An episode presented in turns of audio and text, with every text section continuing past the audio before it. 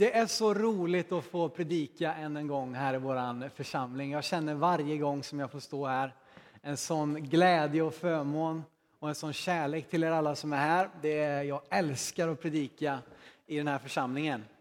Ehm, och eh, så också idag.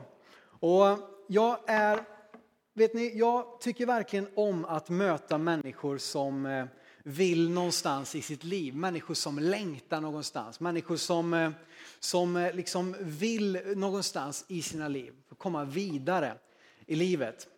Människor som har en attityd och inställning av att jag vill lära mig någonting. Jag vill, jag vill alltså, vad jag än kan lära mig så vill jag göra det. Människor som bär på drömmar och visioner.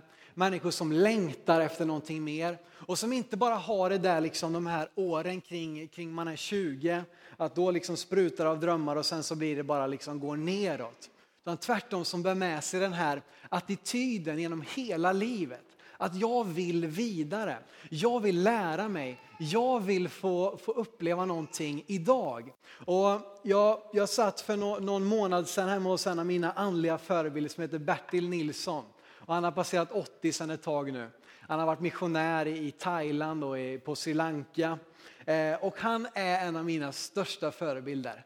Och, jag fick sitta med honom hemma vid hans köksbord och han fick berätta och, du vet, och jag bara såg en sån, en sån glöd som brann i hans hjärta. Och det var inte så att han har lagt av med det där sedan han var, sedan han var missionär utan fortfarande idag så har han samma längtan att få sitta med honom och be där hemma i hans köksbord och dricka en kopp kaffe. Alltså.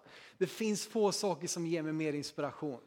Och igår så var jag på diamantbröllopskalas Eh, med min farmor och farfar. Eh, och de har båda passerat 80 också sedan en tid tillbaka. Och få höra min farmor säga eh, så här att jag är kär i Jalmar än idag. Jag älskar honom och varje dag så vill jag krama om honom. Och få se att det där är någonting som växer genom hela livet. Wow, vilken, vilken grej. Så önskar jag att, att jag också ska vara när jag, när jag blir lite äldre. Eh, och eh, idag har jag så mycket drömmar och visioner. Jag har så mycket drömmar för den här församlingen. Jag har så mycket drömmar för, för mitt liv och min, min, min och Karos familj som vi förhoppningsvis kommer att få, få utöka någon gång i framtiden. Och, vet, jag drömmer, jag längtar efter mer.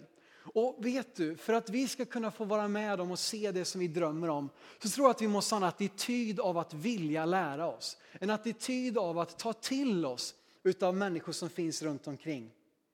Och jag ska läsa ett bibelord ifrån andra Moseboken 33, där Mose eh, efter att ha gått ett antal år tillsammans med Gud, efter att ha fört folk, Israels folk ut ur Egypten och kommit eh, ut, ut i öknen, fått ta emot eh, de tio buden och lagen, så möter vi här Mose i, i andra Mosebok kapitel 33. Och vi ska läsa det, underbart att höra också att det prasslar lite biblar här.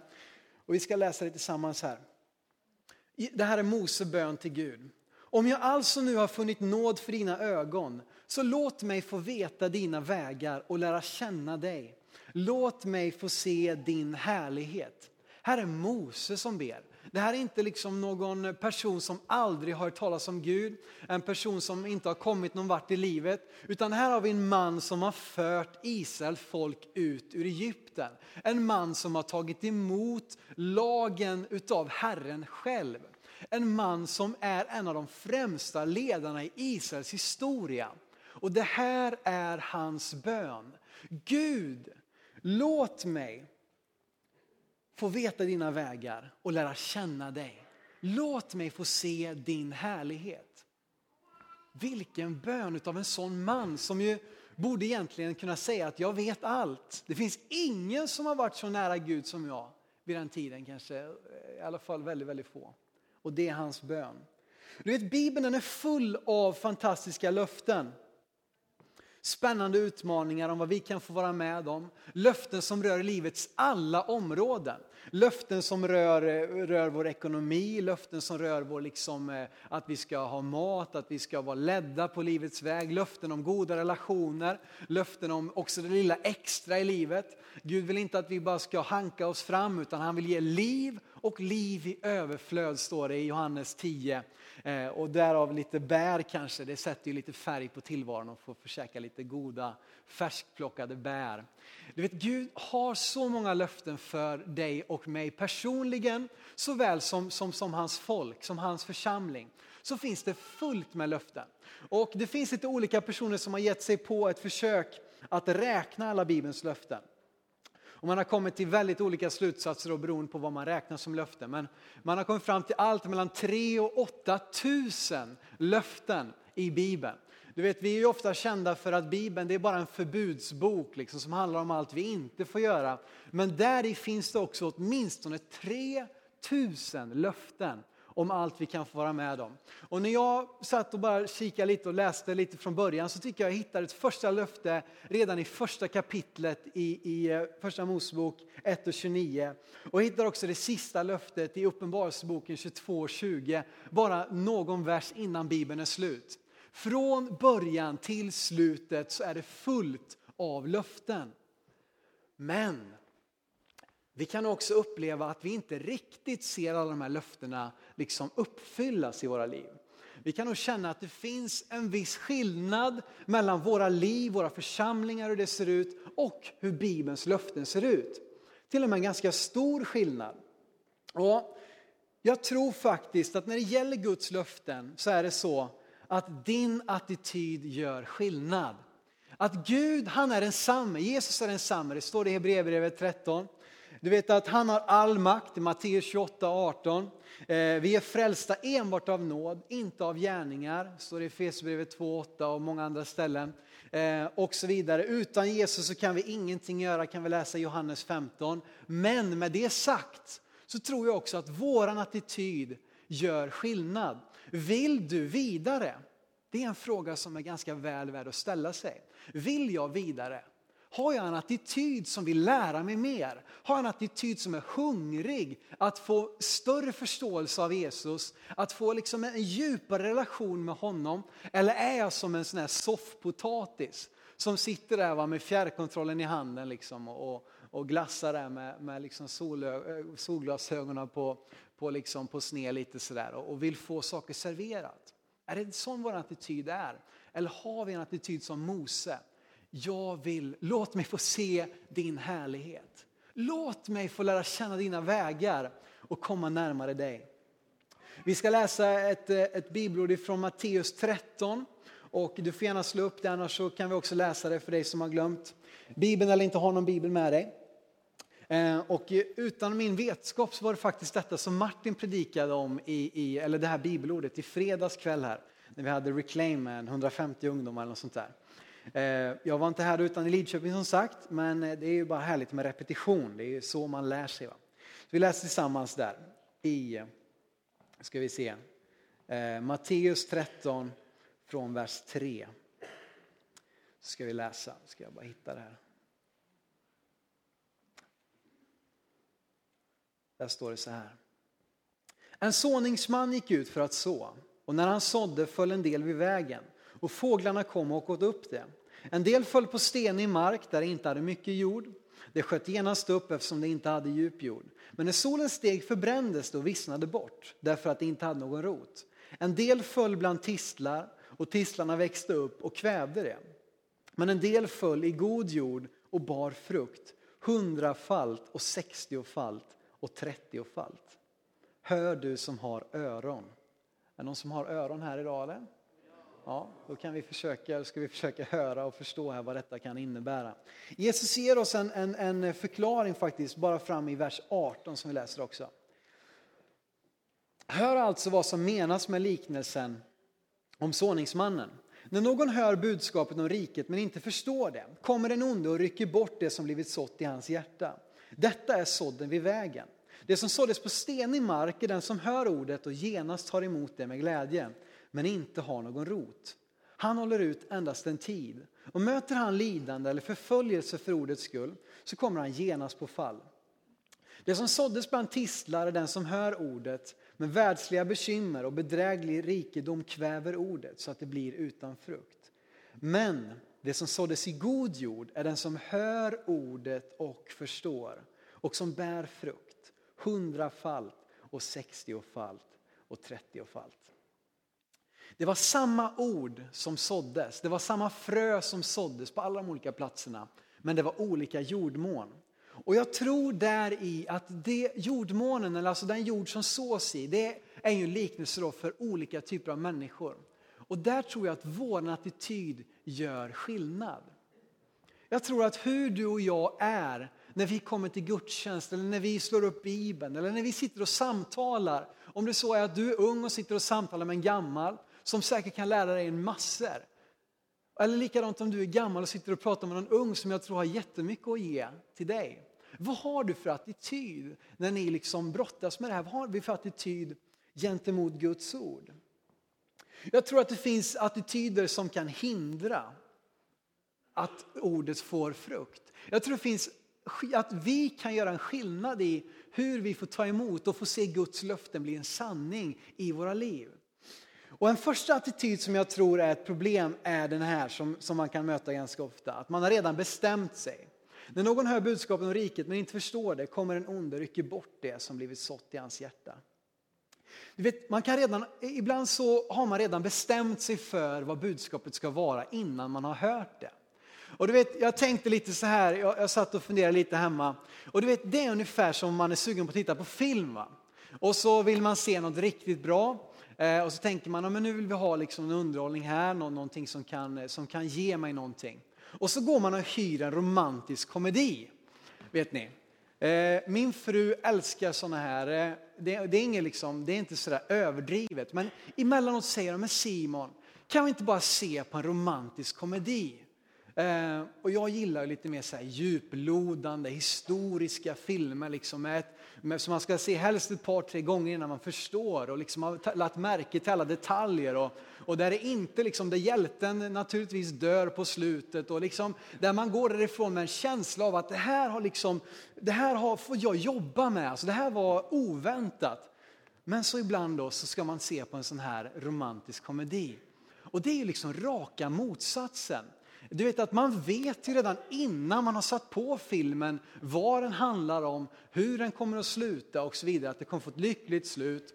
Det börjar med att man får se en inblick i två människors liv, hur de lever och har det bra, men de saknar någonting. Och så genom olika omständigheter så träffar de varandra, de blir kära, börjar dejta lite och sen så får de en relation. Och sen så då kommer naturligtvis, då, då kommer den här delen där de lägger på en musik i bakgrunden så spelas det upp när de är och äter glass och de är på restaurang och de går ut på promenad och har det jättetrevligt. Och sen så, då så är det någon där som gör något fel så att de har ett uppbrott och sitter hemma och äter glass i pyjamas några dagar. Och sen så då, va, så till slut så ringer de varandra och de liksom kommer överens och så, men åh, vi älskar ju ändå varandra så nu lever vi lyckliga i alla våra dagar. Och så där liksom uppspelar sig de här, det spelar liksom ingen roll, du kan bara läsa baksidan, romantisk komedi, du behöver inte ens läsa texten här nästan. För du vet redan i förväg hur det kommer att gå. Eh, och lite sådär kan vi vara också när vi, går, när vi går till Guds ord. Att vi vill bara att det ska vara det där som vi vet vad det kommer ge oss. Det ska vara någonting som passar in för oss. Det ska vara någonting som stämmer överens med den, den liksom, eh, eh attityden som jag har, det som jag vill höra. Och jag läste för några dagar sedan Jeremia 42. Och vi ska läsa det, det sammanhanget tillsammans. Där ett folk där, eh, det största delen av folket har blivit bortförda i fångenskap till Babylon. Men en, ett gäng är kvar i Israels land och då bestämmer de oss för att vår bästa chans nu för att klara oss är att fly till Egypten. Och, men så stannar de, på vägen till Egypten stannar de i Betlehem på ett värdshus där. Och där möter de Jeremia, profeten, som de visste, han talar ifrån Gud. Och så möter vi dem där tillsammans här i Jeremia 42, vers 1-3. Då gick allt befäl tillsammans med Johanan, Kareas son och Jesanja, Hosajas son och hela folket, från de minsta till de största, till profeten Jeremia och sa, vi vädjar ödmjukt till dig. Bed för oss till Herren din Gud, för alla oss som är kvar, för vi är bara några få kvar av många. Du ser med egna ögon att det är så med oss. Men må Herren din Gud tala om för oss vilken väg vi ska gå och vad vi ska göra. En väldigt fin bön. De kommer till gudsmannen och säger vi vill göra Guds vilja. Vi vill få höra vad han har att säga till oss så att vi kan få vara i linje med hans vilja. Men det visade sig ganska snart att de hade redan bestämt sig i förväg vad det var de ville höra. De ville få höra att deras planer om att dra till Egypten var de rätta. Men Jeremia säger, ja visst jag ska be för det, men vad den Herren talar så kommer jag säga det. Och hela kapitel 42 så varnar Jeremia dem från att resa till Egypten. Han säger att det som ni ser nu som er räddning, det kommer tvärtom att bli till er undergång. Om ni lämnar dit så kommer det inte att gå er väl. Stanna istället i Israels land. Men det visade sig att de hade redan bestämt sig. Vi läser i, i eh, kapitel 43 istället, de första verserna. 1 och 2 och vers 4. Men Jeremia hade avslutat sitt tal till folket och sagt dem alla de ord som Herren deras Gud hade sänt honom att tala till dem.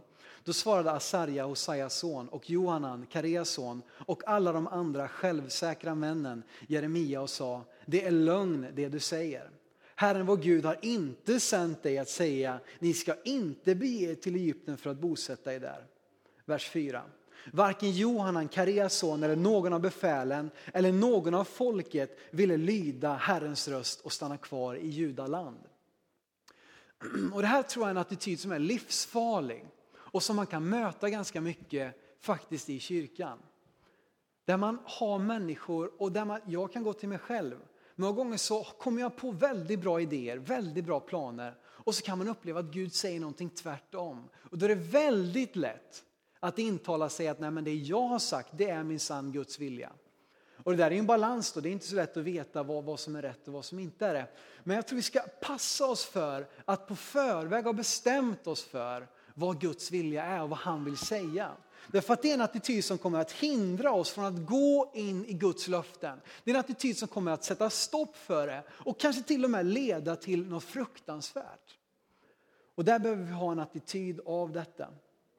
Att Gud, du får leda. Det du talar, det du visar, dit vill vi gå.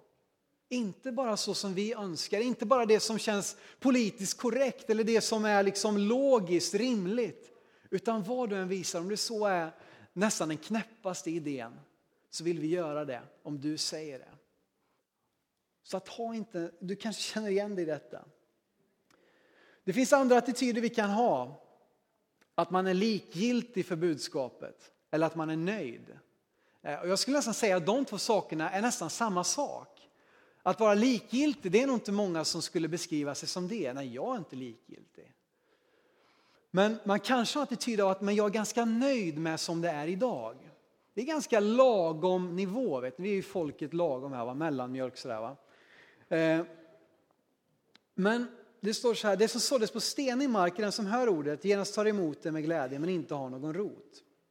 Och jag tänker mig att det där kan vara, alltså vi kan vara ganska duktiga på det där att vi får en massa input, massa budskap. En del av er kommer hit nästan varje söndag, kanske fler dagar i veckan. En del läser böcker, ser på kristna tv-kanaler, lyssnar på kristen undervisning på andra sätt. Vi får en massa undervisning hela tiden. Och likadant i våra liv så får vi ju information från alla håll och kanter hela tiden.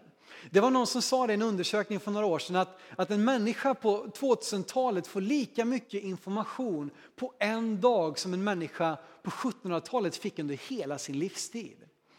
Jag vet inte exakt om det stämmer, men det säger oss någonting att vi får enormt mycket information. Vet du.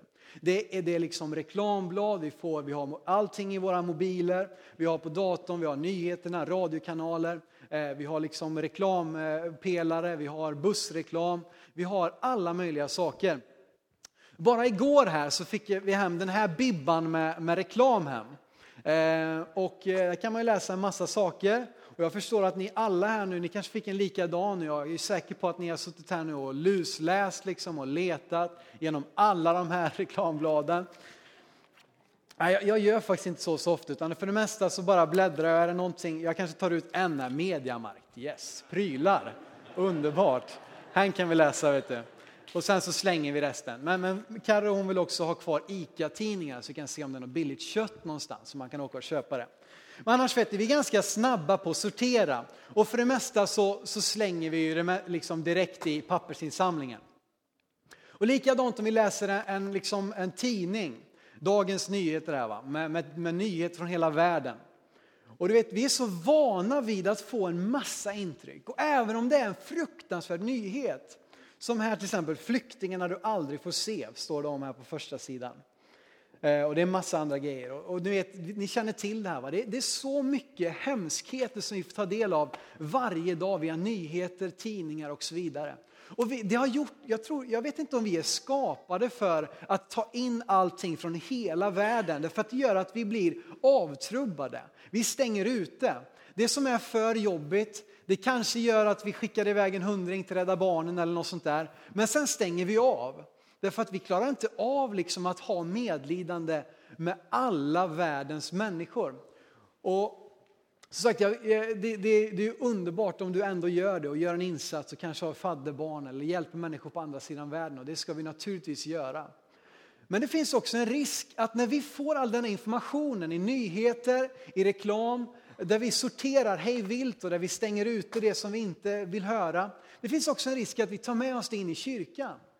Att där också, när vi, när vi hör Guds ord, så har vi en attityd av att vi sorterar ganska snabbt och slänger bort det som är obekvämt.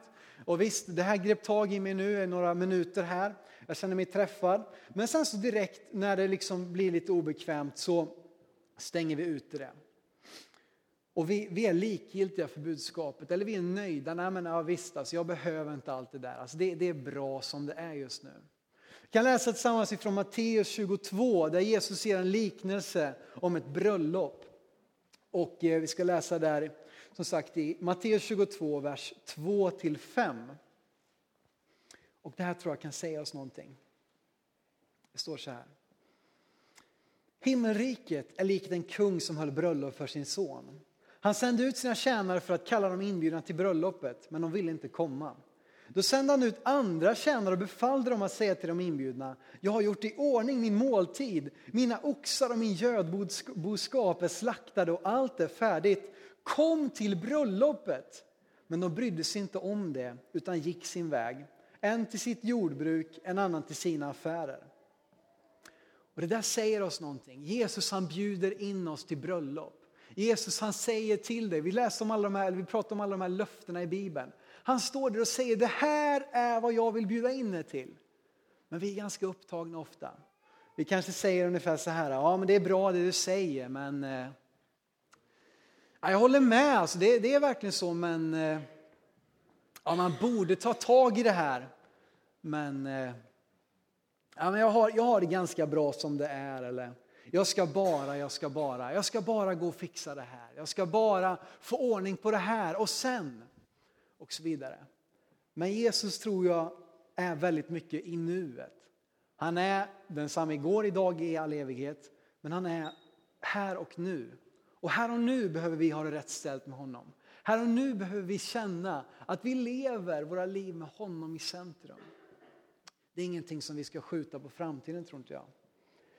Eh, och eh, det finns också, ibland så kanske det är en utmaning, det här är en, ut, det här är en inbjudan till bröllop och det är fantastiskt att gå på bröllop. Men det kan också vara en inbjudan till arbete eller till uppgifter. Eller till att, att Gud kallar dig att ta tid med honom. Är då vår attityd att Nej, men, jag är rätt så nöjd som det är? Eller att vi helt enkelt stänger ut det och slänger det på pappersinsamlingen? Jag vet inte. En attityd kan vara att jag gör inte plats i mitt liv. Det står så här då, den som såddes bland tistlar den som hör ordet, men världsliga bekymmer och bedräglig rikedom kväver ordet så att det blir utan frukt. Och jag tänker mig så här, alltså jag, jag är väldigt tacksam för att eh, vi har så många duktiga ledare i den här församlingen, så många härliga människor som har så mycket bra att säga. För några veckor sedan satt jag och pratade med en av dem, nämligen Dan som är här idag också. Och vi pratade lite om det, det här med liksom, eh, eh, det här livet med Jesus, att, att vad får det kosta egentligen? Och han sa något väldigt bra, att jag tror att många de, de, liksom, de beräknar inte priset, de gör inte plats i sina liv för att kunna göra det som de kanske längtar efter med Gud. Om du tänker dig att ditt liv är som den här resväskan, så, så är det liksom, det du får plats med i ditt liv, det, det är det som du får plats med i den här resväskan. Ibland så kan man tänka sig att jag ska ha hur mycket som helst i mitt liv. Och så är det ju mycket idag. Jag sa det här med informationen, vi har tillgänglighet till allt, vi kan göra vad vi vill, välja vilken utbildning vi vill, vad som helst. Men faktum är att du är inte större än så här, om du nu förstår min bild här. Va? Och vet du, om den här resväskan är full med saker, då liksom spelar det ingen roll hur mycket du försöker, men om du inte plockar bort någonting ur den här väskan, så kommer du inte få plats med det som du också vill göra. Jag är övertygad om att många av oss skulle önska att vi hade mer plats för Jesus i våra liv. Och då kanske vi tänker lite att Jesus, ska vi se om de här står kvar här.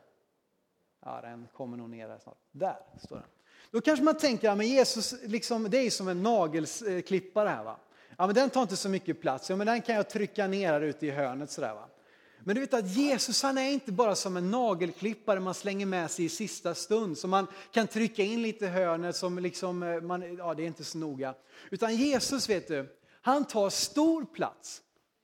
Jesus han är inte intresserad av att vara en liten nagelklippare i ett liv som, som hjälper dig då varannan vecka när det är dags att klippa naglarna. Utan han vill vara en stor del av ditt liv. Nu tog jag den största bibeln jag hade och så tänkte jag att det här får symbolisera Jesus. Och det är ganska bra, det står att Jesus är ordet. Eh, men du vet att ska jag få plats med det här i mitt liv, ska jag kunna leva det liv med Jesus som jag önskar, då, då måste jag ta bort någonting annat. Då, då, kommer det innebära att det kommer betyda någonting i hur jag planerar min ekonomi. Det kommer betyda någonting i hur jag planerar mina fritidsaktiviteter. Det kommer betyda någonting hur jag planerar när jag ska gå upp på morgonen. Hur jag, vad jag ska ha för relationer, vad jag ska ta tid för. Och jag tror att många gånger så är vi precis som den här mannen som, som, som eh, var, eller som den här jorden som var bland tistlarna. Att vi vill så mycket, vi tar till oss det och vi vill att, att ordet ska få liv och växa. Vi önskar det, jag tror att det är de flestas bön här inne.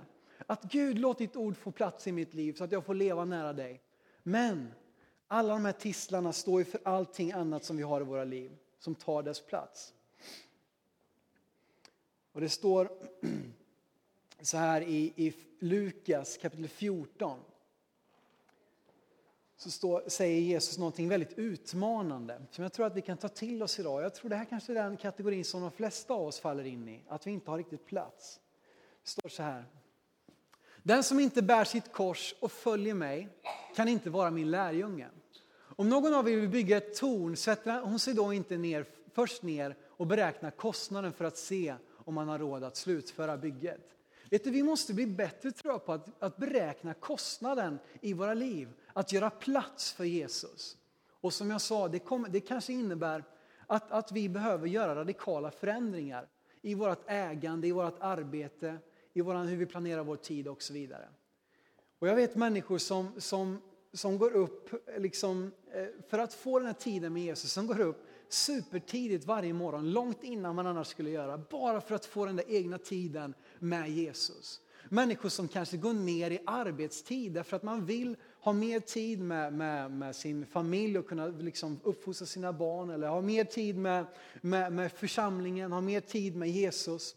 Alltså det, det kommer att kosta någonting. Du måste göra plats för Jesus i ditt liv. Vi ska läsa ett lite längre bibelstycke i första kungaboken. Det är mycket bibel här idag, men jag älskar bibeln så att jag hoppas att ni är med på detta. I första kungaboken kapitel 17 och eh, vers, ska vi se vilken vers det är, eh, vers 8. Eh, nej, förlåt mig, nu är jag fel här. Jag ska hitta rätt. Första kungaboken 17, vers 8. Det står så här. Då kom Herrens ord till Elia. Han sa, stig upp och gå till Sarefat som hör till Sidon och stanna där. Se, jag har befallt en änka där att ge dig att äta. Han steg upp och gick till Sarefat. När han kom till stadsporten fick han där se en änka som samlade ved. Då ropade han till henne, hämta lite vatten åt mig i kärlet så att jag får dricka. Och när hon gick för att hämta det så ropade han efter henne, ta också med dig en bit bröd åt mig. Ska jag bara se hur länge ni är med där. Där är det. Ta också med en bit bröd åt mig. Men hon svarade, så sant Herren din Gud lever, jag har inte en kaka bröd utan bara en näve mjöl i krukan och lite olja i kannan. Jag håller just på att samla ihop ett par vedpinnar, ska nu gå hem och laga till det åt mig och min son. Vi ska äta det och sedan dö. Då sa Elia till henne, var inte rädd, gå och gör som du har sagt, men laga först till en liten kaka åt mig och bär ut den till mig. Laga sedan till åt dig och din son. Ty så säger Herren Israels Gud, mjölet i krukan ska inte ta slut och olja ska inte fattas i kannan fram till den dag då Herren låter det regna på jorden. Då gick hon och gjorde som Elia hade sagt. Hon hade sedan att äta en lång tid, hon själv och han och hennes husfolk.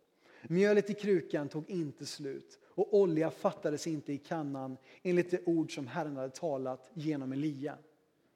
Jag känner igen mig här med Elia. Man säger till sina medlemmar, gå och baka en liten kaka åt mig här så, att, så ska vi nog ordna till det här. Vet, får man lite fika först så brukar det mesta ordna till sig. Men vet du, för den här änkan så kostade det, det kunde ha kostat henne livet att baka den här kakan åt Elia. Hon visste det här är det sista jag har. Ska jag ta det till mig själv eller ska jag offra det i Guds tjänst? Har jag plats för honom i mitt liv?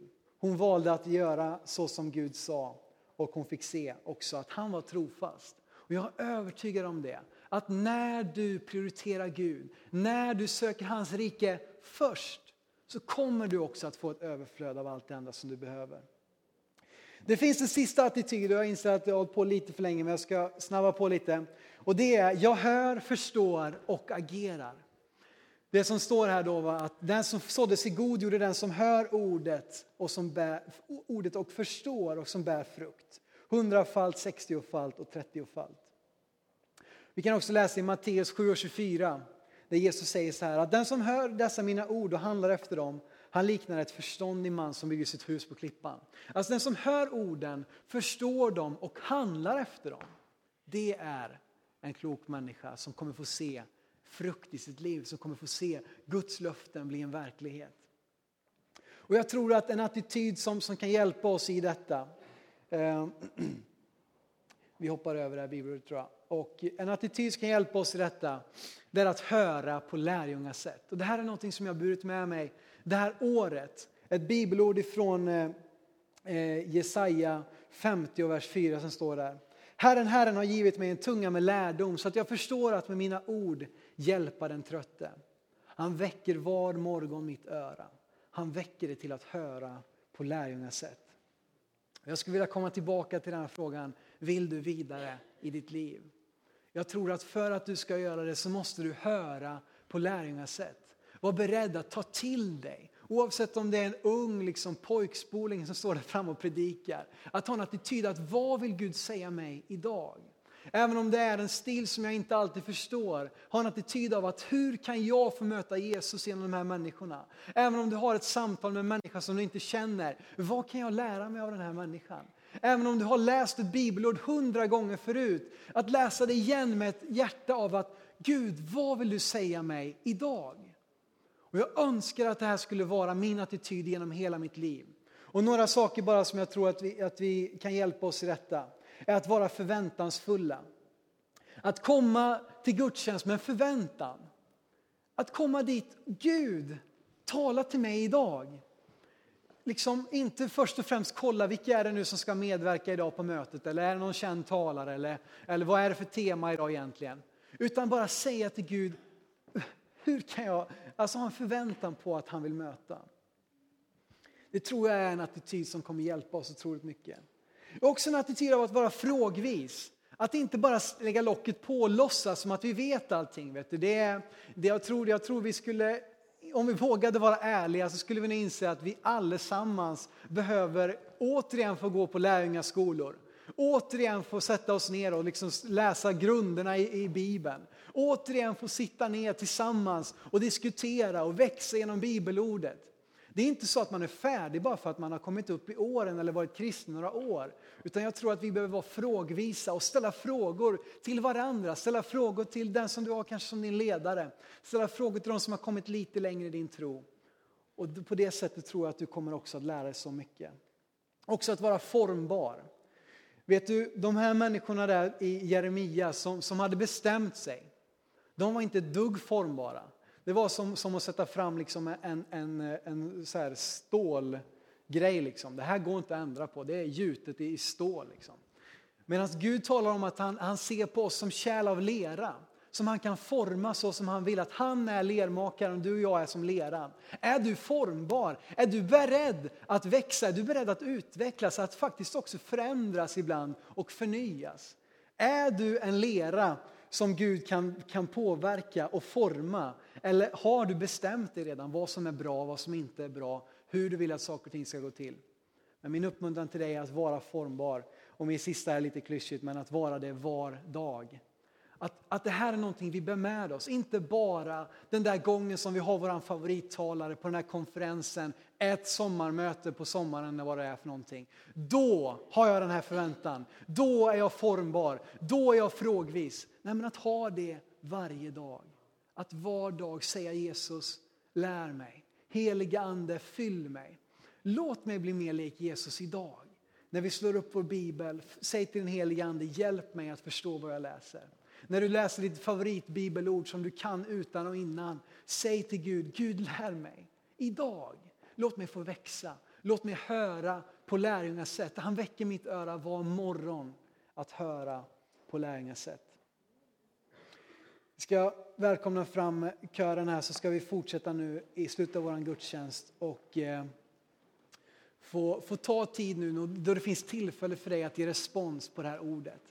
Att ge, liksom, just få, få vara den här, ha den attityden av att Gud, just nu, de här minuterna i den här gudstjänsten så vill jag lära mig.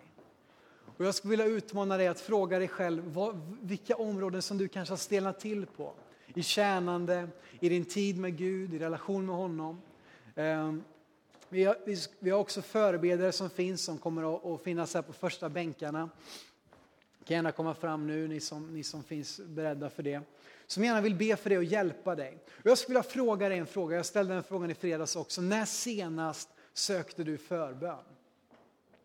Är du som jag, en person som har varit kristen ganska många år, så tror jag att tyvärr många säger att det var länge sedan. Det var många år sedan jag sökte förbön.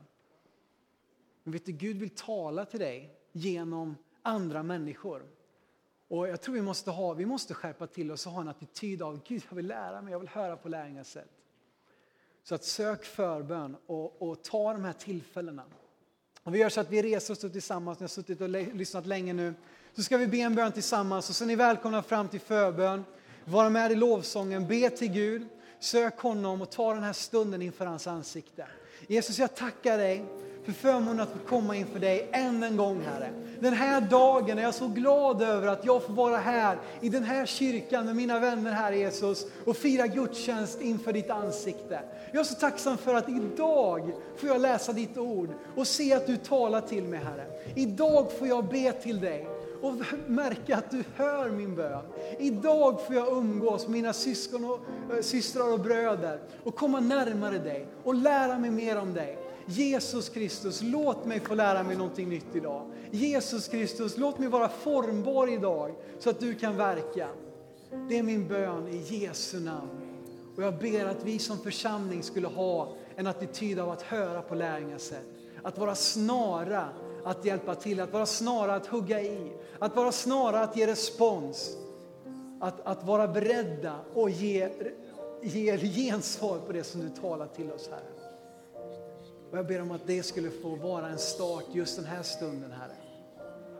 Och vi faktiskt fick ge vår respons till dig, Jesus. I Jesu namn. Välkomna till förbön och var med i lovsången tillsammans.